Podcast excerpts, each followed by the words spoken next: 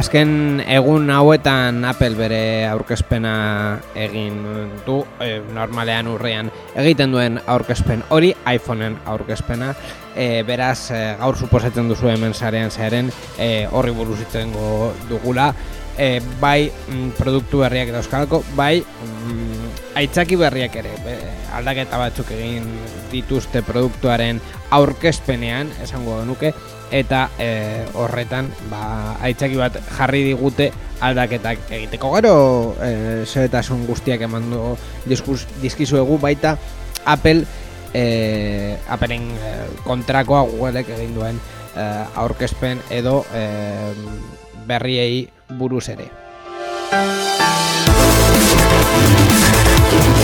Thank you.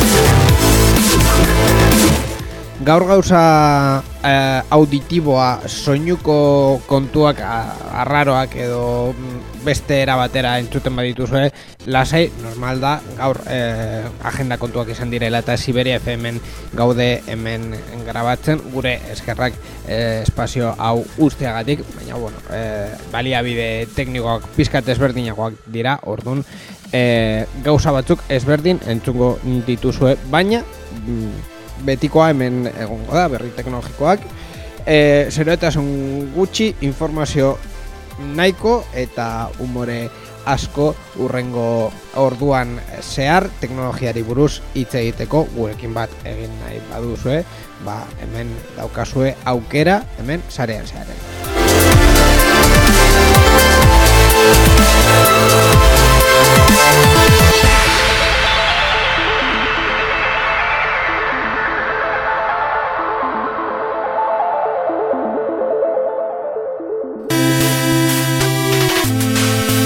Sarean zearen parte hartu nahi duzu? Gure berriak iruzkin du? Ekitaldi bat kontatu? Gure hankasartzeak kritikatu? Erantzuna positiboa bada, bidali ezazu email bat.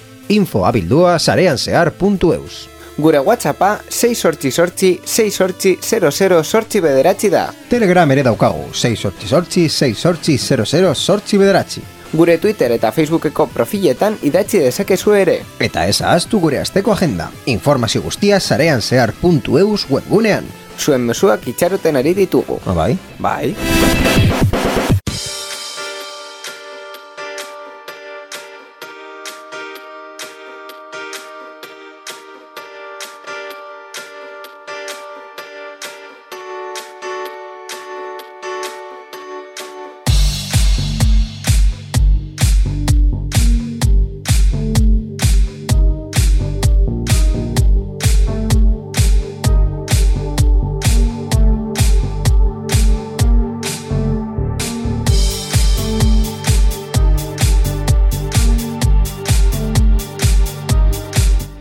Esan dakoa, zarean zehar irureun tabi eh, hasiko dugu orduan berri teknologikoa ekin eh, eta eta hemen daukagun normalean eh, guztiarekin. Borja nahiko distraitutan hago egia esan da, ba, lehen komentatu duen bezala, Siberia FM gaudelako eta, en fin, eh, ni eh, eh, na, eh, normalean beste, beste baliabide teknikoak eta beste gauzak manaetzen ditut, eta orain ez, ez dakit, ez da non dauen, nire eh, eskuinoko ez da nire eskerrekoa.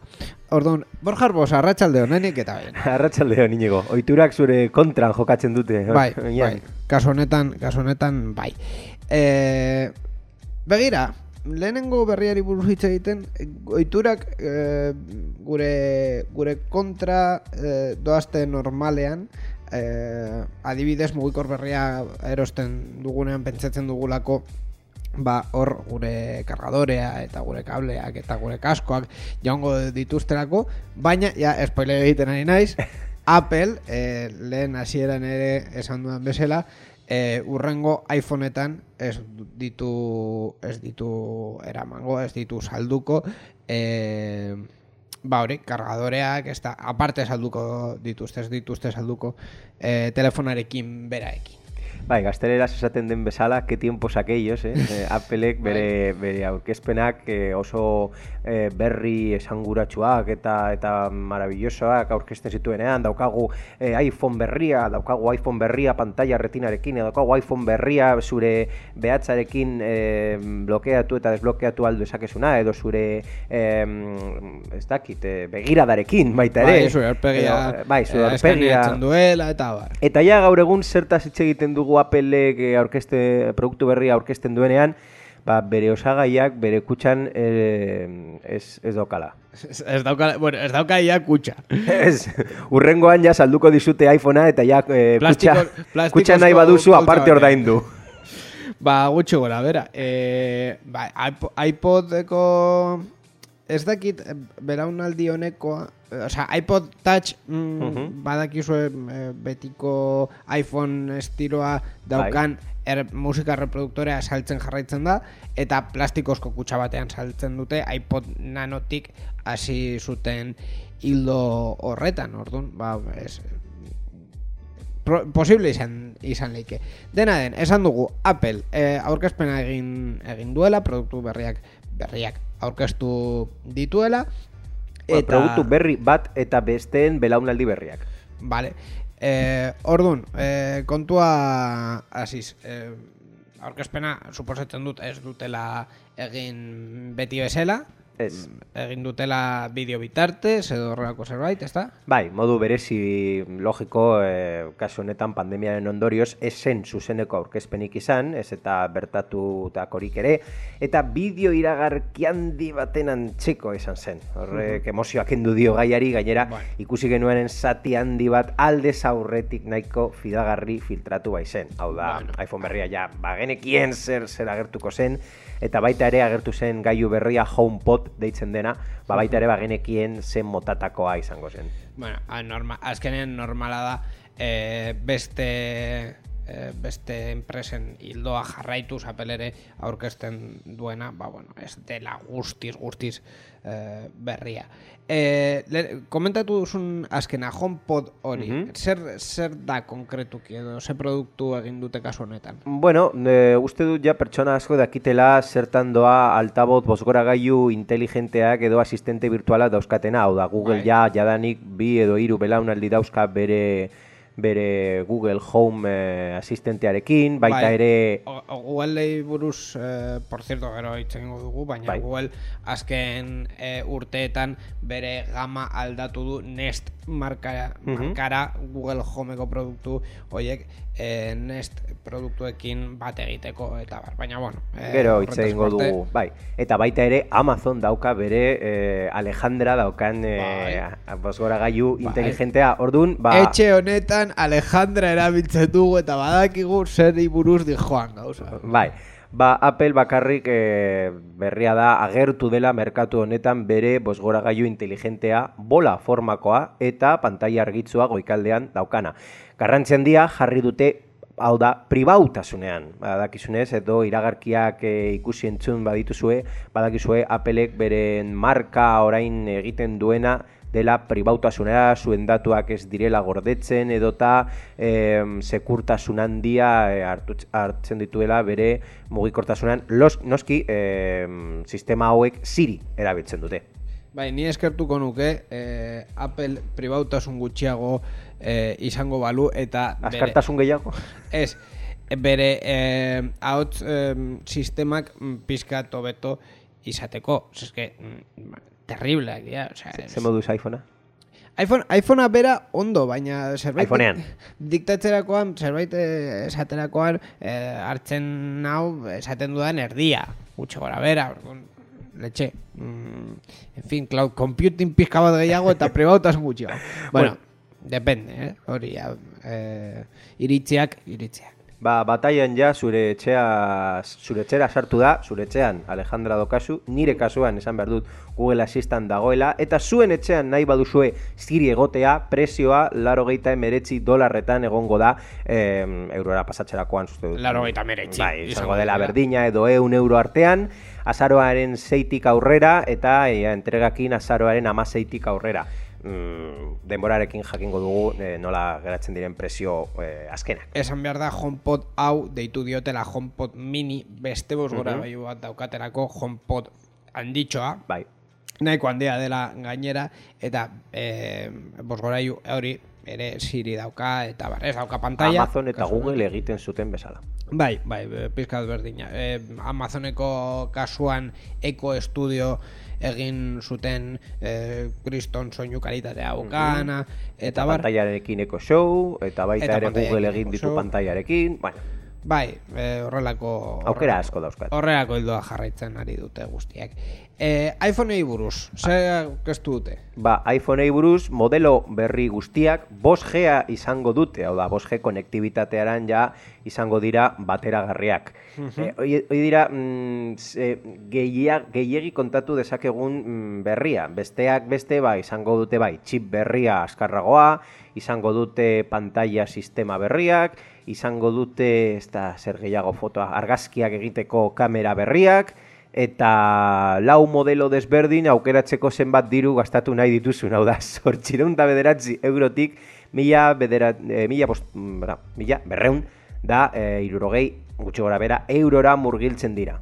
E, modelo txikia, modelo handia, edo hori ez baduzuna, ja pasaden e, hildoko modeloak baita ere eskuratu aldituzu prezio gutxiagorekin, baina hori beste historia bat da. Kasu honetan, e, iru lau modelo aurkeztu dituzte hor, e, bueno, i- hiru lau modelo baino, e, bi modelo eta lau mm, pantalla tamaina. Mhm, E, bai. Kasu batean beste izen bat jarri diote, baina, e, pizkat, e, zorabietzeko, gehiagi zo- ez zorabietzeko, bi modelotan simplifikatuko dugu, bale? E, parte batetik iPhone 12 Pro, 6,1 bat eta 6,7 atzbeteko pantalla izango duena, eta bestetik iPhone 12, 5,4 edo 6,1 atzbeteko pantalla izango, izango duena. E, Beira, bai, gauza interesgarri bat, karga, kargadorea. Bai, horretaren joan justu oraintxe bertan kargadore sistema berria jarri dutelako eta nahiko interesgarria gainera izango dena. Mhm. Kablerik gabeko eh, kargadoreak izango dira, hau da, eh, teknologia contactless erabiltzen dituzten kargadoreak, jadanik ezagutzen genituenak, hau da, Google bas, eh, bas, zuten horrelako kargadoreak eta bestelako markak baita ere sartu zuten, eta adibidez, eh, Appleko erlojua, Apple Watch bazenukan, jadanik ja eh, al zenuen zure erlojua kargatu inolako lekurik eh, konektatu gabe. Hau da, zuk zure mm, telefonoa base, baine, base baten gainean jartzen duzu eta horrelako karga inalambrikoa aktibatzen zure telefonoa kargatu dezakezu. Horrela, horrela da. E, kasu honetan, ba, bueno, atxekaldean jarri diote sistema, sistema hau, sistema magnetikoa, gainera MagSafe deitu diote, bere momentuan portatietan zeuden eta e, oraindik portatil batzuetan dauden e, sistema ia berdina delako iman hoiekin ordun ba bueno e, interesgarria Baita ere nahiko diseinu interesgarriekin daukazu bateria portatilak MagSafe diseinu hau e, eta funtzionalitatea erabiltzen dituztenak. Orduan, zuk e, horrelako bateria txiki bat eraman alduzu eta zure e, telefonoaren atzeko partean pegatu eta horrek ja kargatzen du. Ba hori hori izan da kontua E, lehen komentatu dugunari buruz e, webgunean, Appleko webgunean konfirmatu da Mhm. e, Apple mm, berak e, ai, e, esa- a- bueno, enpresak esaten duenez e, ez dutela iPhone berrietan ez kargadorea, ez aurikularrak, ez, ez iPhonea baino e, sartuko e, ingurumena dela eta eta hori. Bai, Appleen arabera iPhone baten erabiltzaileek dagoeneko kargailu asko dituzte etxean. Eta beraz, denentzat honena, orain arte euren gailuetan zuten kargailua kentzea dela erabakitzea izan da. Baina hori noski zu jadanik eh, iPhone bat badaukazu eta ja kargadorearekin. Hori da itzaki ofiziala. Bai, egia esan da Appleko Ingurumenaren alde egiten dugu, bai. egia esan da Appleko kargadoreak ez ziren bereziki Eh, claro, kontua da prezio Kutxan zeuskatenak. Kutxan zeuzkat, e, eta Apple zuzenean e, erosi altzen dituen e, kargadoreak ez ziren bereziki onak ez. bereziki potenteak, ez da. Orduan, egia da, e, e, kargadore on bat mm, nahi baduzu gaur egun Amazonen erosi alduzula, adibidez, oki markako oki aukei markako e, kargado, edosin kargadorea askoz potentea izango dela Amazon baita bere marka propioko e, iPhoneko kableak dauzka mm, Bai. iru euroren truke, osea, oso, oso, oso merke. E, claro, kontua da, iPhoneen prezioak ez dutela behera egin. Suposatzen da, kargadorea hogeita bost dolar balio duela eta kable eta iPhoneko kablea beste hogeita bost dolar, baina ez dugu berrogeita mar dolarreko e, beherakada ikusi. Ez? Orduan, ba bueno. Ze, zein da itxakia hemen? Ba, asko gogoratu dute orain dela ja benaunaldi bat edagi pasata Apple kentu zuela jack portua beren iPhoneetatik zergatik. Beren eh, AirPods eh, modelo berria saldu nahi zutelako Bai. aparte. Bai, bai. Ba, kasu honetan agian gauza berbera gertatzen da. Applek saldu nahi duena da beren sistema de karga inalambrikoa noski berrogeita mar dolar, euro kostatzen duena. Eta hori nahi baduzu Hori- erosi beharko duzu Claro, aparte. Hori alde batetik. Beste batetik, e, jakeko kontua ikusita, bere momentuan ikusi genuen nola Airpod hoiek agertu zirela, be, iru lau urte pasata, e, ikusten nahi dugu, edonor ja badaukala e, Airpod bezalako aurikularrak, e, marka txinatarrak ai, e, horrelako aurikularrak egiten eta saltzen dituzte Edo bestela adaptagailoak. milaka milaka ba, baina kontua da blut haiek eh, Applek esan zuena azkenean haiek ere presioa egin dutenez Mhm. eh, bete da hau Bai. da jendea gero eta bluetooth aurikular gehiago dauzka Bai, baina bueno, mila, mila berreun euro kostatzen baduzu edo kostatzen bazaizu edo ordaintzen baduzu iPhone bat izateagatik, ba, eun, eun eta gehi, berrogeita mar, euro gehiago izateagatik karga inalambrikoa edo irpodoiek nahiko ondo funtzionatzen dutela, baita ere esan behar da, baina, ba bai, erosten dituzu. Normalean, Appleko kontsumitzaileak eh, ondo hartzen du horrelako gauzak azkenean merkatuak arrazoia ematen die. bai, eh, bestetik eh, esan behar dizut nire iPhonea berreun euro baina gutxiago kostatu zitze dela orduan iPhone erabili nahi baduzu dituzu sortzireun eh, mila euro eh, gastatu Ba, baina egia zuk ez duzu ordainduko iPodak edo karga inal... Bueno, karga inalambrikoa ez ziur zeren ezin Ez, duzu ez dago kargatu. gaur gain alambrikoa, eh, eh, ordaintzeko sistema dago eta eta listo. Hala ere, soportea bukatu zaizu ez? Edo ja, ja, danik... Sop, soportea zeuka. Eh, bai, bai, eguneratu da azkeneko ai- eh, uste dut ezetz, eh, suposatzen da iPhone 6S daukadala, Uh supor, uste dut baietz, a ber, informazioa begiratuko dut, eta Ba, iOS, Atera zaizu notifikazioa edo ez? ez, eh, atera zaidan notifikazioa izan da, ez daukazu eh, lekurik zure iPhonean Ah, bueno. besedez ezabatu gauza. bueno, hori ja beste gauza bat da. Agian horregatik ez dit date iOS amalau eh, eskaini, ez dakit. bai. Ez dakit. En fin, ba hori Applek eh, ekarri dizkigun gauzatxoak komentatzeko gaur.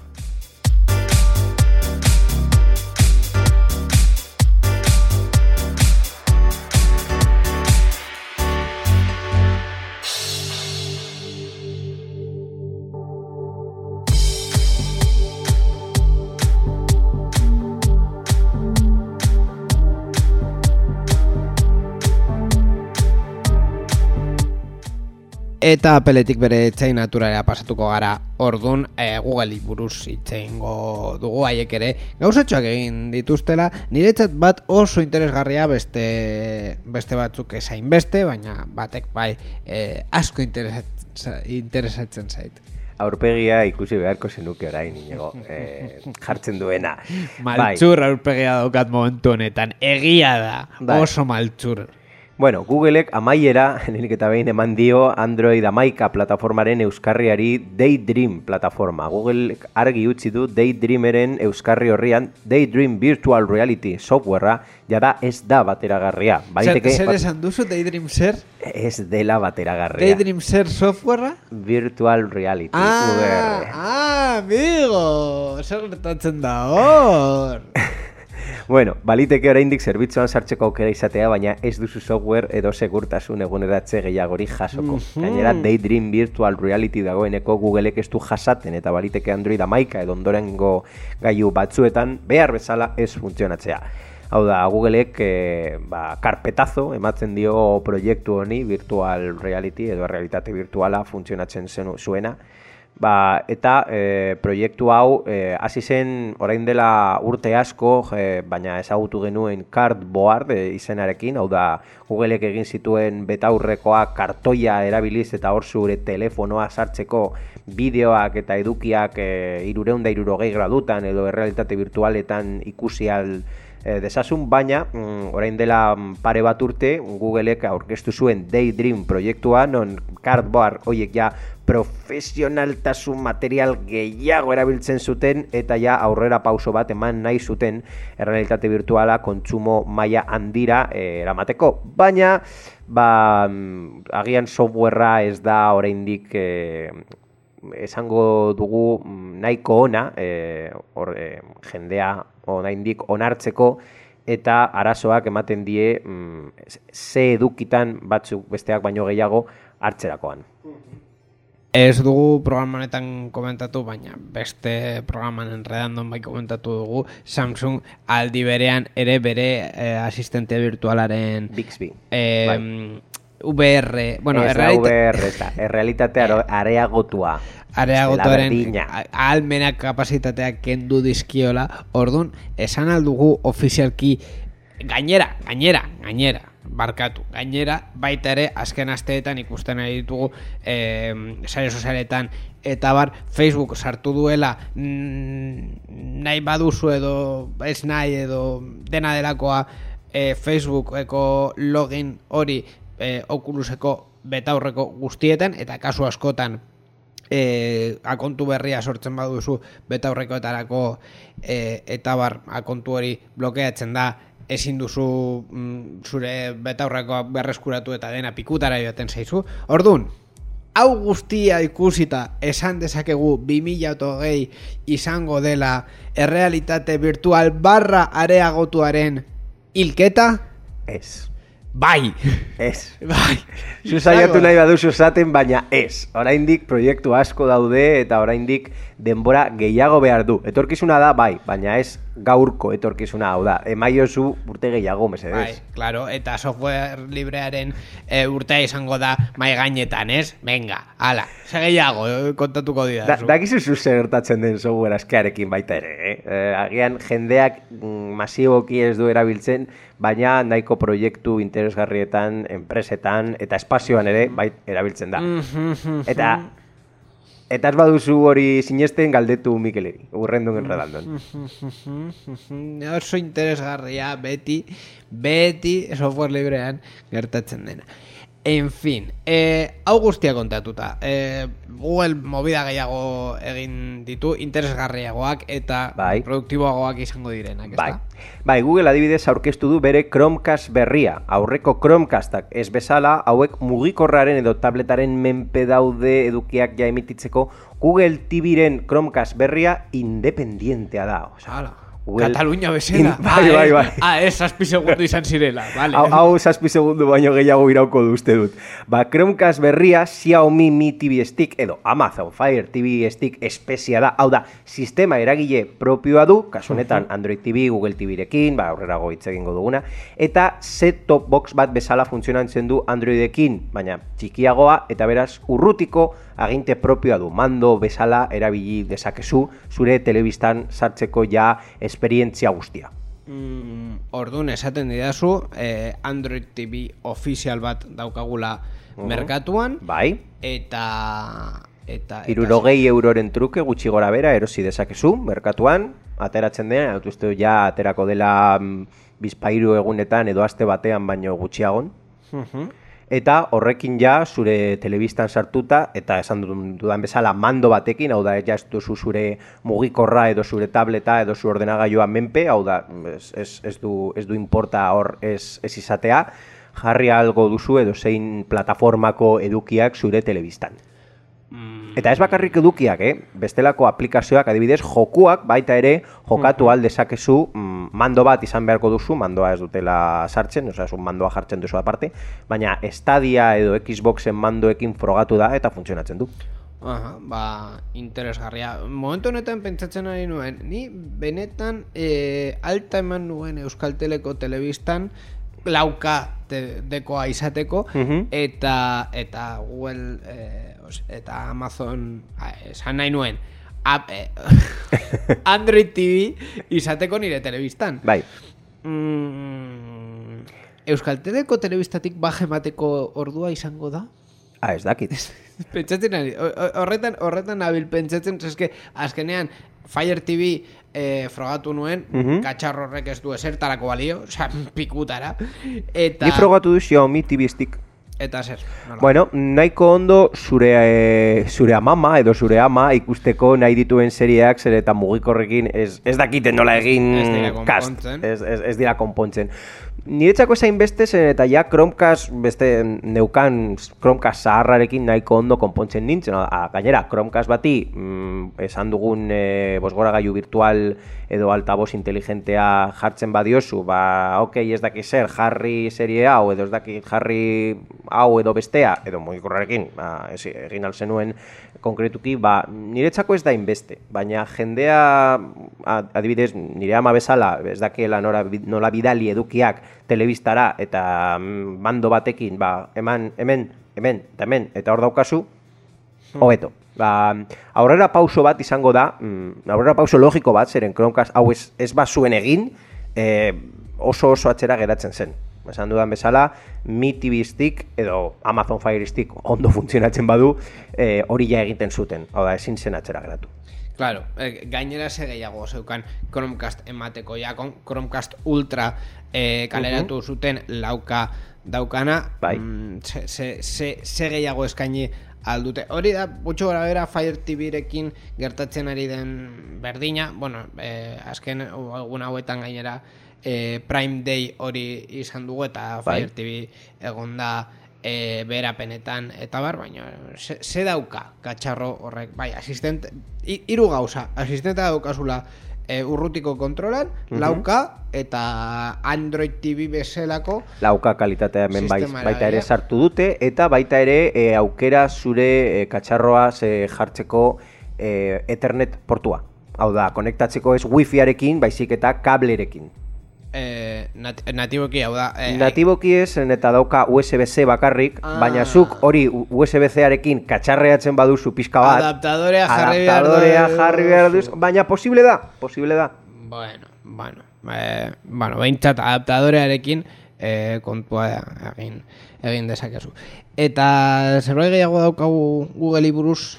Bai, e, bueno, besteak beste aurkeztu du esan dugun bezala bere e, altaboz inteligente berria, irugarren belaunaldia, ja Nest marka erabiltzen duena, kontatu dugun bezala, mm, a, berri gehiena izan da e, soinu sistema nahiko hobeagoa izango da, mm, bi bosgoragailu erosi aldituzu eta estereo moduan jarri, adibidez, eta baita ere aldaketa egin dute bere assistant funtzioetan. Hau da, aldaketa garrantzitsua, Googleen arabera behintzet, laguntzaileari ahotsa aldatzeko aukera da. Hau da, gaur egun laguntzaileak emakume baten itxura egiten zituen ahots bakarra zuen, eta gaurtik aurrera, emakume edo gizonen artean alda gaitezke. Bueno, ba, begira. E, Google Storeen nabil hemen gauzatxoak ikusten eta bar. Bueno, e, komentatu un Chromecast berria e, bere prezio izango da la, e, irurogeita mar euro, Mhm. vale? Ez irurogei baizik eta irurogeita mar. E, iru, iru koloretan, e, horia Laranja? la rosa eta urdina. Ez que hemen deitzen... Pastel koloreak Claro, deitzen dira. hemen deitzen diote em, elurra mm, eh, ez, ez dut ulertzen nola Zein gustatzen zaizu gehien. Ah, eta adaptadorea jarri dute ere ofizialki, orain ofizialki eh, egiten dutena hogei euroren trukere Bai. bueno, bere, bere, ez zait bereziki interesatzen Mm. egia esan, gainera beste urte bat pasa behar dudalako eh, Euskaltelekin Eh, bera eta daukazu. Bai, bai, bai. Eh, Ai. lauka telebista hartzerakoan Ai, bi ai. urteko permanentzia jarri Zertara, baina, lauka telebista bat daukazu? Ez. Baina mm, eh, katxarro batean izatea eh, telebistako kanal guztiak. Gehi, eh, Disney Plus, Netflix, zer gehiago, YouTube eta Chromecast eh, bueno, bai, egia esan da, ja, funtzionalitatea. uste dut hori ja nahiko... Osea, Euskaltel aldrebes egingo balu eta e, bere mm, bere zerbitzu, bere telebista zerbitzua izango ba, balitz e, edonon bezalako sistema baina deko gabe. Baina bidali aldituzu zure edukeak ahotsarekin. Esaiozu dekora eh, jartzea Netflix edo... baina hori Eh, hori galtzen ari zara. begira hori frogatu nuen Fire TV e, aparatoarekin eta inoiz ez da ondo funtzionatu. Osea, ni esaten nion jarri ez daki zer Netflixen. Eta esaten zuen pipi. Ba, Chrome, pipi zer, Chromecastarekin pipi perfecto, eh? Baina bere zerbitzu bere zerbitzuekin edo besteekin baita. Hau da, zu esaten badiozu, Vale. ikusi nahi Netflix, dut, bai. YouTube, bai. Prime Video, ez. Bueno. Disney Plus, Eh, uste du baietz, bai? bueno, Bai, bai. Mm, Disney bueno. Plus, Netflix eta YouTube, bai. Prime Video kompetentzia da, orduan ja Prime Video oraindik ez du... nire arazoa orain da eh, Amazoneko ez bat, ez bi, ez iru, baizik eta lau, eta uste dut bosgarrena bidean dagoela, eh, bosgarrena idu dakadala, orduan, Ai, orain, padre. Amazonetik Googleera bueltan, ba, Home cinema bat egin dezakezuen beste bosgora gaiuekin. Ez, baina azkenean gutxika gutxika, ba, eh, egongelan jarri nuen am, eh, Ah, ni, nik input- esan beharko nuke, nik lau daukadala. Claro, ni egongelan jarri nuen input hori eh, bosgora gaiu za- zahar batzuekin, eh, jarri nuen kotxean beste input bat eh, eh, kotxeko irratiarekin manaiatzeko tabar, eta hori, konfinamenduan, etxera, eh, etxera eraman nuen, eh, nire, nire, eh, nire oeanen alboan, eh, hor usteko. Claro, hor utzi nuen, eta oitu, Ohitura. ohitura hartu nuen, ba, gauzak esateko oean eta bar, eta azkenean esan nuen, ba, hau, eh, ordezkatu behar dugu, nola bait. Gero, flex bat, eh, erosi nuen, ama bost euroren truke, eta esan nuen, ba, nor, non jartzen dut hau? Komunean. Obvio, komunean. Oso ondo. E, oie, dutxan musika entzuteko oso ondo dabil. E, Baina ura soportatzen du. ez, baina, bueno, entxufe batean dago hor jarrita ura, ura urtik urrun. Bueno. Logikoa da. Eta lurruna? Eta lurruna momentuz ez dakit. Ez ditu, arra, ez ditu gauza arraroak egin. Orduan, Tolerantzia eh, bat izango duela, suposatzen dugu. En fin, ba hori Googleeko berriak eta beste gai batzuk.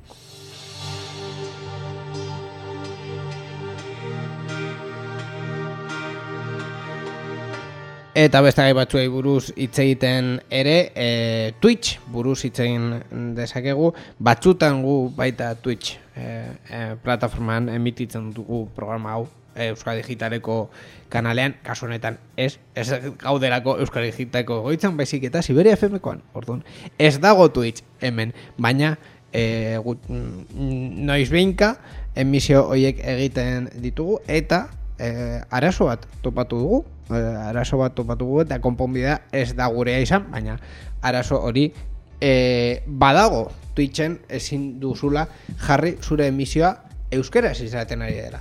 Hau da, zuk ezin duzu hitz egin euskeraz, edo? Bai. Zure... Euskeraz hitz egin dezakezu, baina menu bat daukazu esateko ze e, Hizkuntzan hitz egiten ari zaren? Hitz egiten ari zaren, Eh. eta ez dago euskera. Horregatik, Ah, bale. Twitch zuzeneko emisio plataformak Euskara hizkuntza esartzeko egitasmoa martxan da. Hala, bi egunetan bakarrik ekimenaren aldeko eunda irurogei boska bere ganatu dituzte, izan ere asteartean egin zitzaion eskakizuna streaming plataformari. astearte, asteartean duela hilabete bateko asteartean. Bai, bai, bai. Hori Ez que nik esan behar entzun dut. nuen asteartean iraiak amabos, eh? Onda. Bai. Ez, ez, ez hitz egin asteartean, ez, esan iraiak amabostean. Ga, gaur egun e, boska, e, bueno, boto gehiago jaso du ekimen, ekimen hau baino dena den. Hori, no, eh, nola ne- funtzionatzen du? Ni sartzen naiz Twitchen eta e, aukeratu al, edo bilatu al dezaket euskeraz egiten diren streamingak, edo? Bai, horrelako bat eh, iz, em, egin... Hau da, filtro bezala erabiltzen da. Bai, hori da, filtro bezala erabiltzen da. Eh, ordun, ba hori, filtro hori ondo funtzionatzeko eh, ekimen hori martxan jarri du konkretuki debukai, eh, youtuber eh, euskalduna Aha. eta horregatik eh, martxan dago eh, eskaera hau.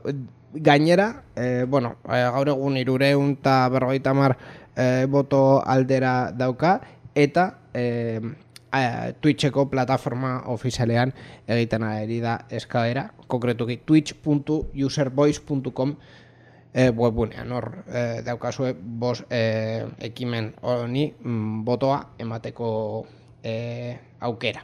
Ba, espero dugu laster izatea aukera hau Twitchen baita ere. Ba, bai, eh, hori hori espero dugu. Ba, Orokorrean, eh, eh, komentario eta eta eh, kontu positiboak eh, komentatzen dituzte hemen, beraz, eh, espero dugu Twitch eh, eh, er, bere erabiltzaileak entzutea. Beste berriei buruz, bost gea. Ui, Ez, ez, bosgea. ez dut musika Oraindik ez daukagu sintoniarik bosgerako? Claro, hemen lehenengo kontua da ze sintonia jartzen dugun. Ordun, eh, den, pizkat denboratxo... Miguel Boserena, jasen nuen pasaden programan. Zein, amante bandido? Bai, e- egin dezakegu sintonia bat ointxe bertan, e, el... Zuzenean? zuzenean. E, azten naiz e, abesten Seré tu amante bandido, bandido Tarar. Eta garraitu bat zuzu Corazón, corazón malherido. Ez? Ja, ja, da, daukagu horrelako bos, gea, zarean zearen Edo, e, horrelako zerbait Vale, be- begira, zati, programaren zati hau gordeko dut, gero sintonia egiteko gure ahotsekin, eh, Miguel Boseko eh, abestiarekin, baina karaoke bertsioa Bai, bai, bai. gabekoa, eta... Ez, ez, diogu eskubideak emango Ez, Miguel Bose, mm, ura eta... et- et- Eta bos, gea Eta en fin. Bueno, Eh, dena den, eh, ez, ez da Miguel Boseren kontra ni berezik ezer daukadako, baizik eta ez, da, ez ditulako behar momentu honetan dirua, baizik eta laguntza. Laguntza asko behar dut iporrek. Orduan, bai osue laguntza. Dena den, eh, bosgeari buruz hitz egiten badugu Euskadin, ba, Euskalteli buruz hitz egin beharko genuk, ez da? Bai, Euskalteli buruz gainera hitz egin genuen, e, uste du pasaren programan kontatzeko nola prestatzen ari zen 5G sare bat, baina enpresentzat, ez e, kontsumitzaile, azkenengo kontsumitzaile. enpresentzat eta frogetan, eh, Bai. parke teknologikotan, eta bar, eh, bueno, ekimen oso interesgarri batean. Baina, bosgeari buruz, Bai. eh, azken aste honetan, baita, eh, prentsa oharra emititu dute, esanez, Esanez, Euskaltelek 5G teknologia eskainiko diola, kasu honetan ja kontsumitzailera, orantxerekin hitzartutako akordioari esker. Noiz, Noiz. 2022ko urtarriaren lehenean, Oh. lehenetik aurrera. Hau da, urte bat baino gehiago oraindik itxaron beharko dugu Euskaltelen bezeroak bagara izateko gure mm, mugikorretan, batez ere, mm, 5Gea, baita ere izan beharko dugu mm. 5Gea daukan mugikor bat, edo Hori. 5Gearekin bateragarria den mugikor bat. Hori. Urrengo iPhonea, adidez. hori alde batetik, beste alde batetik, Euskaltel ez duela, esan ez dutela e, mm, azpiegiturak jarriko adibidez Euskadin edo Galizian edo Asturiasen e, bere sarea indartzeko, baizik eta mm, e, 5Garen e, akordioa e, izaten, izan dutela orantxekin 2022 Mhm. e, aurrera, baina adibidez Bilbon edo Gasteizen edo donostin beste despliegue bat egin aldute haiek haien antena propioekin 5G izateko eh, hor lehenago, baina momentuz hori da Euskaltelek eh, Kompainia bat utzi duzu, esan duzu Euskaltel, Galizian R eta Asturiasen Telekable, baina baita ere Virgin, eh, kompainia baina- berria Baina Virgin, ni, ni suposatzen dut izango du baita ere egia, bosgea. egia esan da ez dakit R edo telekable Hau baseukan Euskaltel talde guztia. Claro, eh, egia esan da ez dakit eh, R edo telekable baseukan azpegiturarik eh, haien haien herrialdeetan Euskaltel badakit bai daukat daukala antena batzuk ez asko, ez gehiegi, baina antena batzuk badauzkate. Ordun eh, horregatik eh, komentatzen nuen Virgin Telco badakigu eh, guztiz virtuala den konpainia bat dela eta azpegiturak eh, aprobetsatzen Alokatzen dituela. alokatzen dituela edo aprobetsatzen ditu hor eh, lehenik zeukan eh, lekutan baina en fin, Virgin Telco praktikamente da Euskal Telesetik Bai. beste, beste alde bat beste, aldi bate Baina ez da konpainia bakarra gainera, 5G, bere 5G kasu honetan kudeatzen ari duena edo zabaltzen ari duena, eh, kontatu genuen, Vodafone, hasi zela orain dela ja urte bat bere 5G eh, anuntziatzen eta eskaintzen bere bezeroei, eta Movistar izango da, uste dut, bigarrena eh, lasterketa honetan, ezta? Jadanik ja 5G estaldura daukala laureun herrietan baino gehiago. Eh, kuriosa da, Movistar hasi zela esan ez, bueno, gu lau ge- bosgearen kontua, be, momentuz, tal, baino, claro, No, pizkanaka, pizkanaka. Claro, pizkanaka, pizkanaka, eta gainera ni suposatzen dut Movistar ez duela esan mm, bat batean, mm, bueno, eh, ama bosterri eh, irietan eh, hasiko dugu bosgearekin, baizik eta gutxika gutxika azpiegiturak aldatu eta eguneratzen joan direnean, ba, eh, merkatura mm, joaten basara, merkatua esan dugu? Bai, mm. merkatura joaten basara antena berriak eta gailu berriak erostera, ba, 5Garen e, gailuak mm, orain merketxoago egongo e, direla, berriak direlako eta enpresak Huawei, Alcatel eta e, hauek mm, ba hori, e, saldu nahi dutelako 5Garen mobidak. Jendea pizka bat ideia egiteko, zeren pasaden berrian kontatu dugu nola Euskaltel orantxeko sarea aprobetsatuko du e, bosgearekin, gaur egun nola, do, nola doa estaldura Espainian. Hau da, Vodafone adibidez e, estaldura dauka e, herri handietan, Madrid, Barcelona, Zaragoza, Valencia, Málaga, Sevilla, Pamplonan, Gasteizen, e, Donostin, Logroñon, Bilbon, Santanderren, e, herri handiak. Joigo baita ere herri handi nahiko dauzka, dauka Alicanten, eh, Almería, Ávila, Barcelona, beste batzuk esain handiak, Hospitalet, Alcobendas, Jaén, Melilla, Orense, Orange, bakarrik dauka Madrilen, Barcelonan, Valencian, Sevillan eta Malagan, eta esan dugun bezala mm, Movistar pizka bat eh, aurrera pausoa eman duzen eta laureun herriak eta batzuk eh, ez, ah, biztan lehin beste ez daukatenak, oda bosteun baino gehiago. Bai, adibidez, e, Euskadin Bizkaian arrietan, dago 5G estaldura segatik ez dakigu. Horregatik, eh, bueno, Rioxan ere Arenaza de Bajo, Cantabrian San Miguel de Aguayo, horrelako... Se Eh, dira frogak beraientzako edo. Claro, horrelako herrialdetan despliege hauek ikusten eh, dituzunean suposatzen, su- ni, ni pertsonalki suposatzen dut ez dela apropos egin, baizik eta oie, arrietan buskatu dela hor zeukaten antena mesedes berri bat jarri. Ba, Ah. berria jartzerakoan bosgearekin jartzen duzu, ja, pizkat kontua aurrera Eta ja bestela marketing. eta beste guztia marketing hori hori da orduan. E, oso oso sakabanatuta dagoelako despliegea eta eta herri eta hiri askotan e- egin dutelako baina ez kriterio dosentzu batekin. Horregatik nire teoria ez dugula konfirmatu Movistarrekin. Egia esan da. Ez, di, ez diegu e, galdetu zergatik izan dena. Ba, bueno, ez, ez itxoinan beste zen eta bos gea zabaltzen ari da Espainian eta ja mm, mm, laster baino beranduago ikusiko dugu hemen baita ere.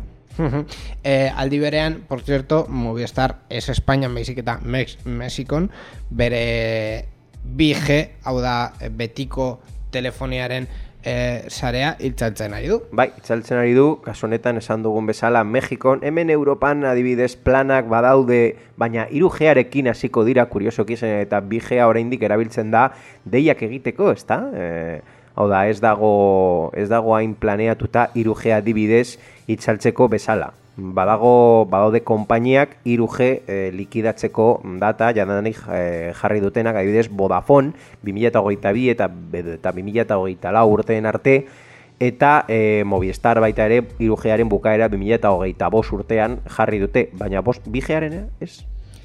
Claro, eh, alde batetik, eh, bueno, mm, kasu honetan Mexiko buruz hitz egiten badugu, Movistar ez da operagailurik handiena mm, Mexikon. Eh, Akordio bat dauka, ez? akordioak dauzka beste beste operagailu eh, batzuekin han ere claro adibidez uste dut eh, Mexikon zerbitzua ematen duen eh, Edo AT&T. marka, dela. Eh, ju, begira, justo... mm, bai, Mexikon ere zerbitzua eh, ematen ematen dute, baina, bueno, beste konpainiak daude, eta dena den en, eh, nagusiena, eta eh, estatuarena izan zena, Telmex izan zen. Orduan, claro, mm, Telmex ez dugu ikusiko urren urtetan bere bi sarea itzaltzen, baina Movistar bai alokatuta dagoelako eta an, dauzkan antena gutxi hoiek Horrek bai ez- zentzua dauka. ez dituelako mantendu nahi.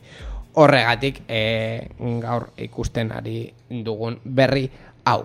E, ba bueno, hori e, sarei buruz eh, dauzkagun kontuak. E, daukagun orduarekin ja uste dut e, tituloraren momentua izan behar dela. Bai, ba. beste e, zer gehiagorik ez daukagulako. Bueno, hemen badaukagu bai Dropboxi buruz e, mm, aldaketa bat egin dutela, baina enpresa bezala Virtual Firstera pasatu dutela. Bai. Hau da, e, langileak mm, e, mm, remoton eh, lan egin behar dutela eta bulegoak e, egongo direla bilerarako eta bileretarako eta jazta. Telelana baita ere zabaltzen ari da. Telelana, telelana, telelana guztion txat. Ba hori Dropbox egin duena. Titulol. Eta salto ematen dugu titulolera, e, ba, beste berri bat kuriosoagoa edo e, arrit, arritzekoagoa e, aditz hori edo dera deakoa existitzen badu, ez dut uste, baina bueno. E, azkenean, ba bueno, sorpresa sortzeko berri ez eh, hain teknologikoa, baina bai, kuriosoa. Gustatuko zaizu kasu honetan nini guzti dut. E, dakizunez, e, The Internet of Things deitzen dena ja, jadanik e, junda edo zen gaiura, edo zen gaioia kontrolatu dezakezu zure mugikorreran edo ordenagailuarekin e, inteligentzia artifiziala daukarako. Kafe makinei buruz hitz egingo dugu, Ez kafe makinak ez. Ah. Ez dira kafe makinak. kasi e, azte, azken astetan ikusi dugulako marka konkretu baten kafe makinak e, arazoak, are, segurtasun arazoak izaten ari zituztera, eta kasu askotan makinak berak e, lurruna botatzen zuela mm, ezer ez. Hau hobeagoa da. Hobeagoa. Kastitate uala. Badakizu zer den kastitate uala? Gaztela esaten den cinturón de castidad. Eh, bueno... Hau da, zu zure zona noblean jartzen duzuna, eta... Bai, eh, tentazioa tentazioa- ez izateko... Bai. Bueno, ez izateko baino, eh, ekiditeko, bai, bai, bai. Ba, enpresa batek kastitate ual inteligente bat eh, saltzen zuen internetera konektatzen dela, eta eh, horrela beste pertsona batengan jar, jarri alduzu zure konfidantza, eh, zuk ezin duzu ireki, baizik eta mm, pertsona horiek daukadala mm, ba, giltzak, giltza virtuala, kasu honetan. Baina, Bar, barkaidazu segundutxo bat, Bai, bai. berri honekin jarraitu baino lehen, urrengo eh, soinu jarri behar dizut. Vale? Ai. Oh, ba hori. en fin, jarraitu, eh, kastitate ualarekin, mesedez. Ba, kastitate ual hau, sekurtasuna katz bat izan du, jakeatu dute, eta etengabe blokeatzeko aukera eman du. Hau da, e, noski e, jakeatu eta gero Ah, pertsona horrik ja ezin zuen aukera bere, bere uala kentzeko, eta e, reskate bat ordaindu behar zuen. Ja, jabearen sakil gizatxoa. Bai, bai, bai, bai. E, horrela, horrela agertu da. Hau da, e, ransomware bezalakoa sekuestraten duela zure ordenagailua eta bitcoinak ordaintzeko ordaintzeko truke ematen, ematen dizu bueltan. Egia Ba, esan da, berri hau ni irakurri nuen bere momentuan, baina ez nuen pentsatu sarean zehar programa noble eta zuri honetara, zuri, Ah. zuri kolorekoa e, em, ekartzea, en fin. Barkai da zu, Iñigo. en fin, eh, programa hau publiko guztien txedarako eh, dela. Dena den, dena den, eh, kastitate ual hori zer den eh, jakin nahi baduzue eta eh, adingabekoak basarete, ba esaio zuen eh, guraso edo eh, eh, dena delakoa, kasu honetan, Edo interneten begiratu. edo interneten begiratu, edo eh, eskuntza sexuala ere, Bai, ba, bai, bueno, ondo dago. Ba, hori, badakizu eseri buruz. Eh, hitz egiten ari dugun. En fin, ba, onaino titulol, eh, ni ur pizka bat behar dut, eta eta bukaerara joango gara, eske. Irratsaio hau Creative Commons aitortu ez komertziala partekatu berdin lau puntu zero nazioarteko lizentziarekin banatzen da. Horrek esan nahi du gure edukiak nahi beste partekatu ditzazkezula. Informazio gehiago nahi baduzu josareanzear.eus webgunera.